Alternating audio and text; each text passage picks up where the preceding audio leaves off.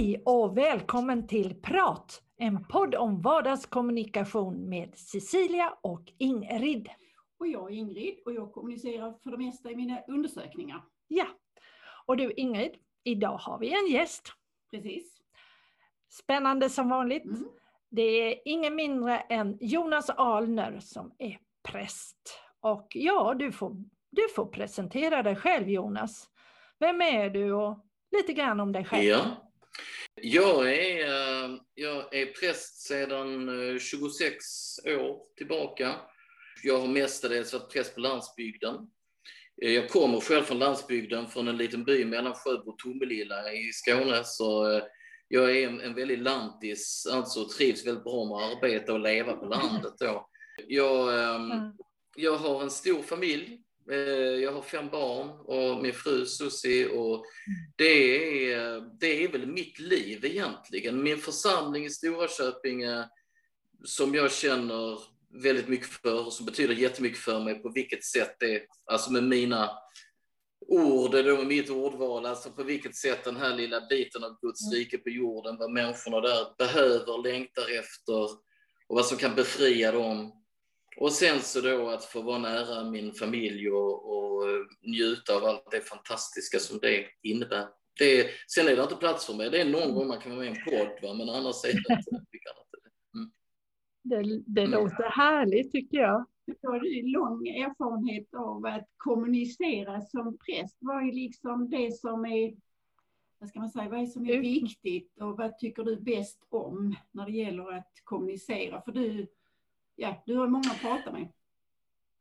Alltså, det, om man, jag tänker nog så här, och det här bygger egentligen ganska mycket på konfirmanderfarenhet. Jag har haft konfirmander nästan hela tiden i 30 år, för jag började ha konfirmander innan jag var färdig präst. Och det är alltså, om man säger så här, att det är fruktansvärt viktigt att vara förberedd. Att man ska vara så väl förberedd på allting man gör, som om resultatet hängde på hur väl förberedd man är. Men sen är det inte Mhm. det som det hänger på, men det blir fel resultat om man är illa förberedd. Men eh, med konfirmander till exempel upplever jag att jag tror inte jag är någon särskilt häftig eller cool konfirmandpräst eller så, jag tror aldrig jag varit det heller. Men jag har alltid haft en väldigt fin kontakt med mina konfirmander och jag tror att det beror på att jag tycker så mycket om dem. Jag tror att ko- kommunikationen handlar väldigt mycket om att de, de märker att jag blir glad att se dem.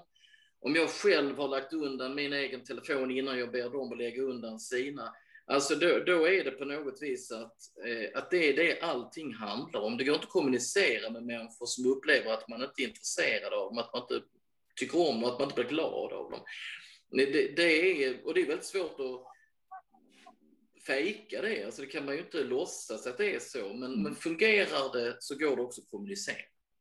Du sa det där att det var viktigt med förberedelse. Säg något konkret. Hur menar du då att det var viktigt med att du förberedde dig? Jo, att jag, att låt säga att om jag har ett konfirmandpass så vill jag ju, så måste jag förbereda mig så jag vet vad som ska hända den ena minuten efter den andra. Mm. Och att eh, om jag ska ha en predikan så måste jag veta vad det är jag ska säga så att jag inte kommer dit och, och har den här ganska oförskämda inställningen att, att ja, men nu får vi se hur det går eller så, att, att det får bära eller brista, utan de som möter mig har ju rätt att förvänta sig av mig att, att jag verkligen kommer till det som sker med, med en, eh, ja, med en omsorg Mm. och, och eh, en, en, en vilja att stunden ska vara viktig för oss allihop. Och då menar jag alltså just att det är viktigt att man är så pass väl förberedd så att inte någonting brister på grund av det. Att det blir till exempel dödtid när man har konfirmander. Det, det är inte alls bra. Mm. Eh, Eller att jag mitt i predikan inser att jag inte, jag inte vet vart det är jag vill komma. Va? Det har givetvis hänt någon gång, men det, det har väl mer att göra med förvirring än, med dålig förberedelse. Men, men just att ehm, sen som sagt så menar jag att man förbereder sig som om det hängde på det. Ja. Alltså att nu, nu är det, jag är bara väl förberedd så kommer allting fungera. Men djupast sett så vet jag ju att det räcker inte med att vara väl förberedd och det är inte det som är det viktigaste. För det är inte det folk kommer komma ihåg heller, att man var väl förberedd.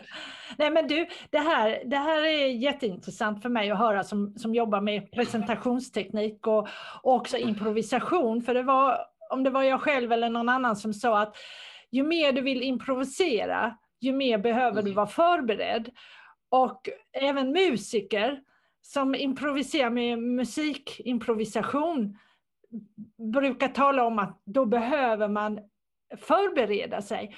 Och de gångerna jag har lyssnat på dig här i vårt underbara lilla kapell i, i Basken, då, då, har, då känner ju jag som åhörare nästan att du improviserar. Fast du gör det ju inte, du är otroligt förberedd. Och det är ju det som är konsten egentligen, kan jag tycka, när det gäller kommunikation. Ja, jag, jag tror, ja, alltså jag håller med om det. Att eh, om man ser som just när jag, eh, när jag förkunnar, alltså när jag talar i, i, i någon gudstjänstsammanhang och så, att jag vill föra fram budskapet, då kan man ju säga att efter så här många år som präst och så många år med Bibeln och de bibliska berättelserna och alla fantastiska exempel som jag har fått genom livet när jag mött människor i, i, i det här underbara arbetet. Mm. Det, har ju spett på med en otrolig mängd anekdoter och symboler och, och, och eh, exempelbilder.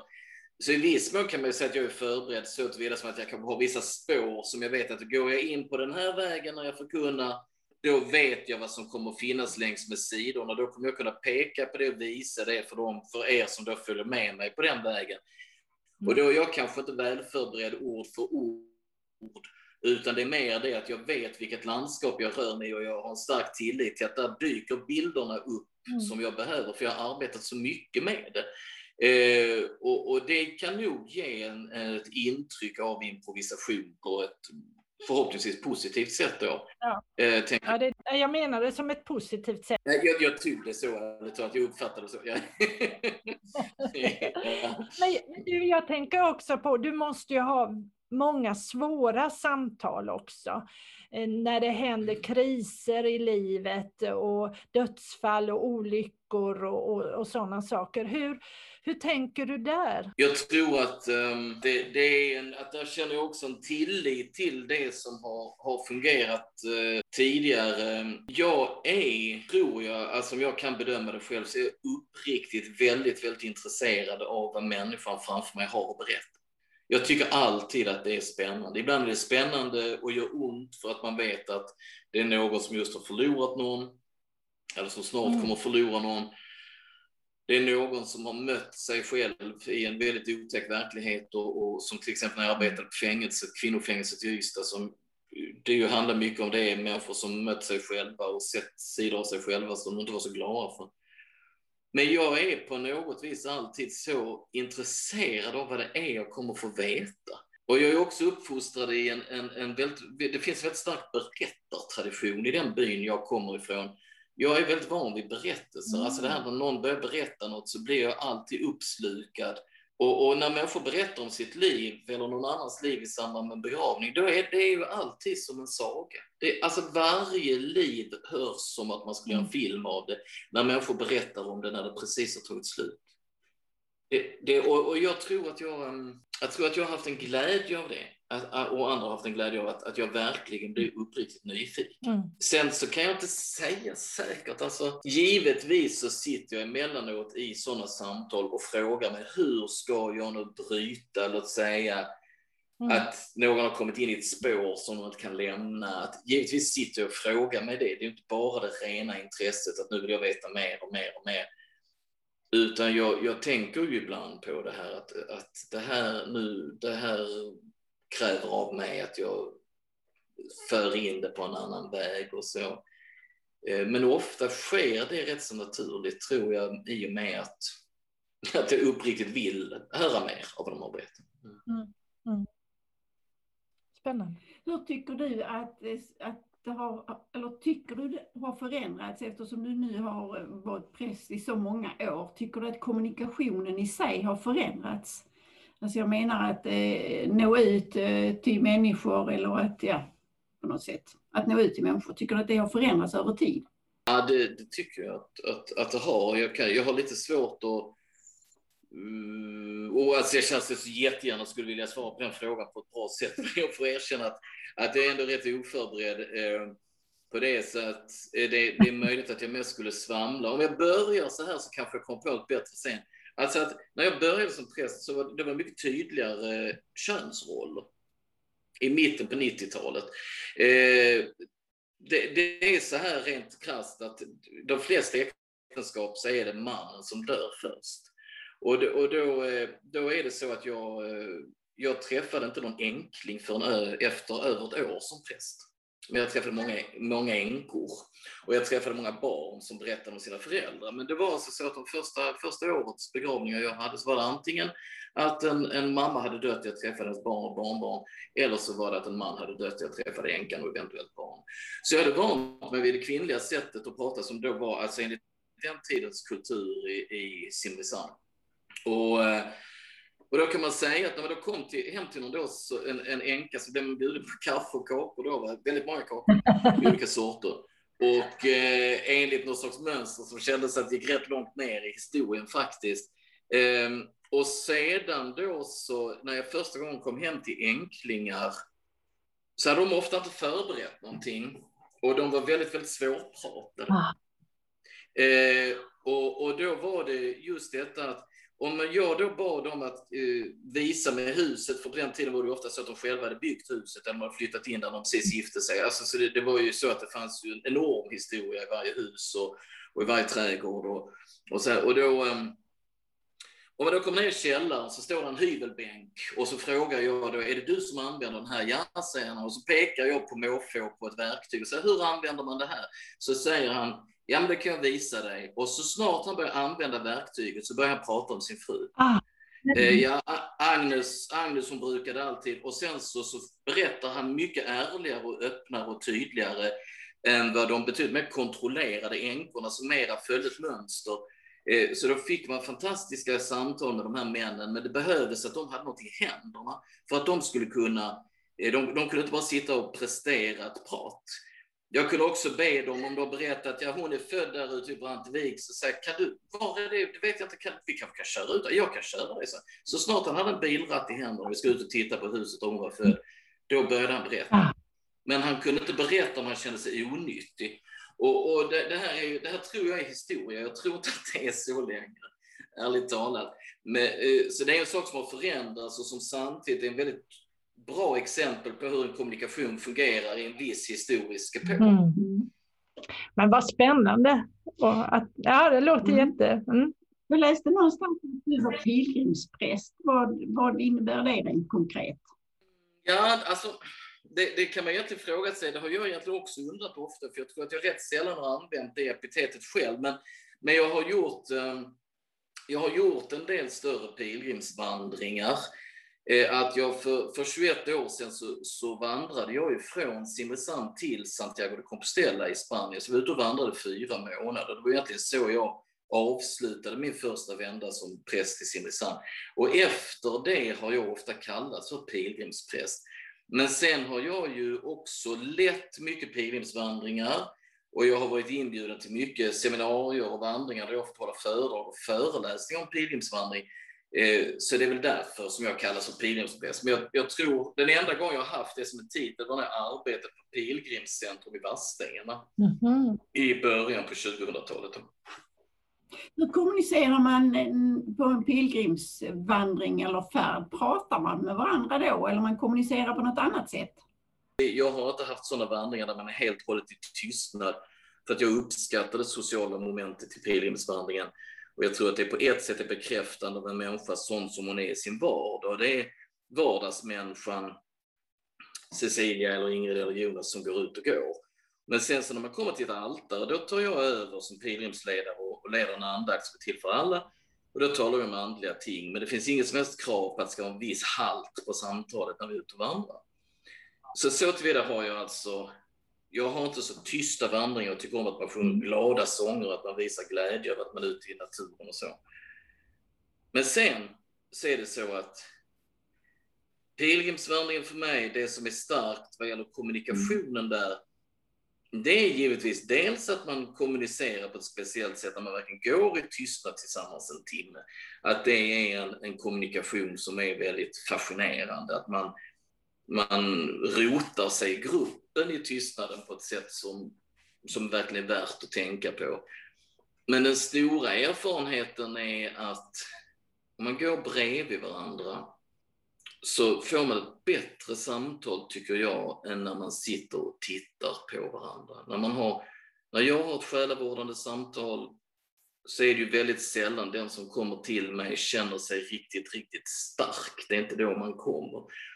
Man känner sig kanske ifrågasatt, ledsen, bräcklig. Och då blir min auktoritet enorm. Att om jag då ser lite hånfull ut, om det ser ut som att jag drar på munnen, om jag ser trött ut, som att jag inte riktigt orkar följa med, så kan en person som kommer till mig, en konfident, ta väldigt illa vid sig. Och det är, det är orättvist mot den personen, det är också orättvist mot mig som själavårdare för att, att jag förtjänar inte riktigt, alltså, eller jag, jag, det är svårt att ställa ett så högt moraliskt krav på sig själv att, att jag, jag måste se ut på ett visst sätt i, i ansiktet. Så.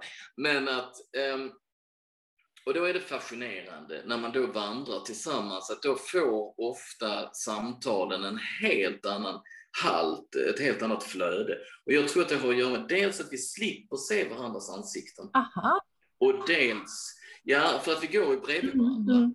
Eh, mina föräldrar de grälade i stort sett alltid med varandra utom när de körde bil. De satt bredvid varandra. Då gick det hur bra som helst eh, och pratade. Eh, och, och, just att, um, och jag tänker så här när man då vandrar där, att det är inte bara att man inte ser varandra, det är också att man ser samma sak. Alltså man är på väg åt samma håll och så tittar man på samma saker. Och någonstans tror jag, det här kan givetvis utvecklas till något extremt flummigt och det är väldigt ovetenskapligt, men, men jag menar att eh, tittar man på samma saker så är det som att man förstår varandra på ett annat sätt.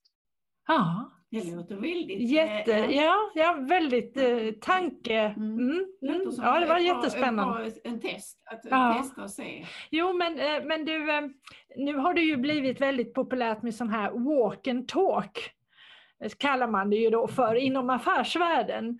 Jag är ju medlem i Företagarna och där har vi ju sånt. Det är lite liknande där faktiskt, men jag har mm. inte tänkt i de banorna som du säger. Där går vi också bredvid varandra och pratar om allt möjligt. Men ja, det ska jag, det ska jag tänka på nästa gång. Jättespännande, jättespännande.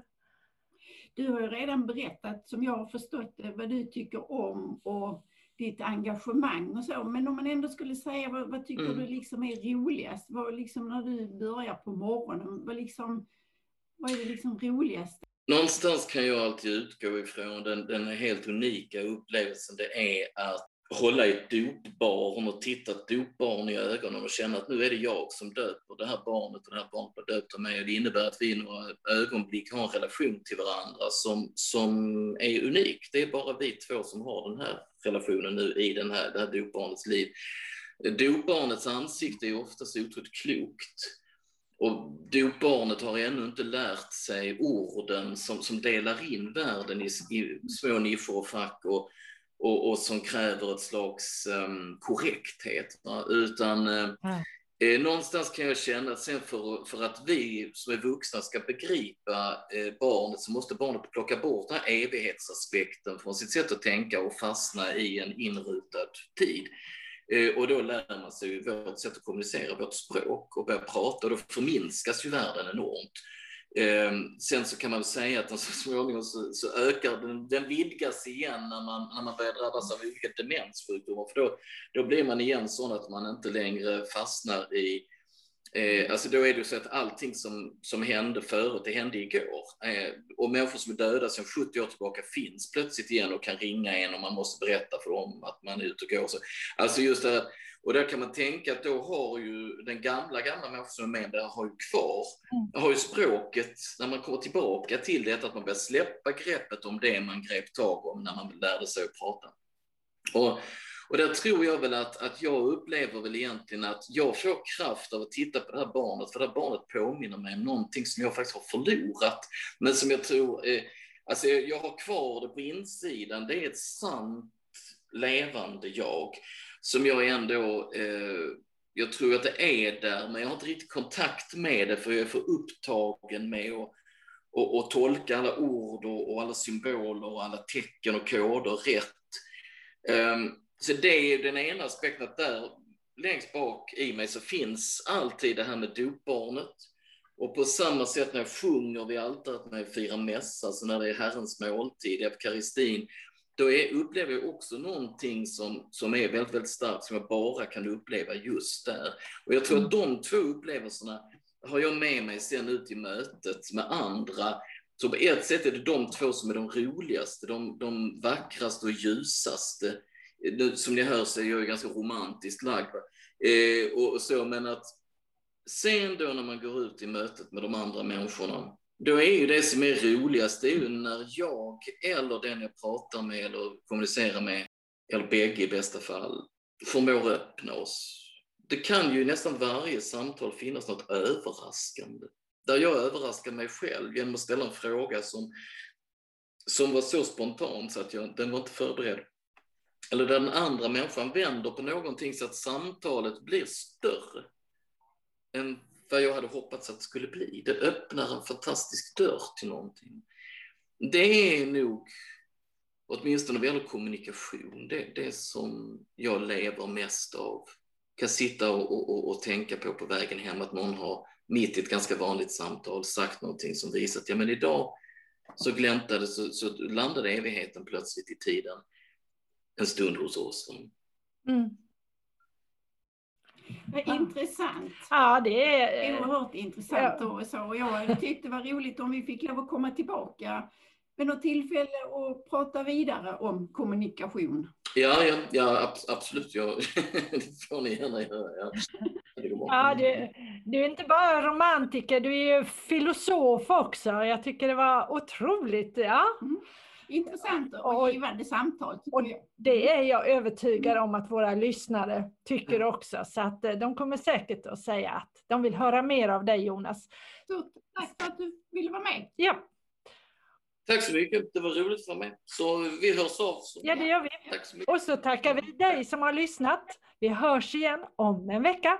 Och då tänkte vi prata om det som vi nu pratade här lite grann om, hitta engagemang och lust i vardagen. Ja, det gör vi. Ha det gott! Hej då! Hej då!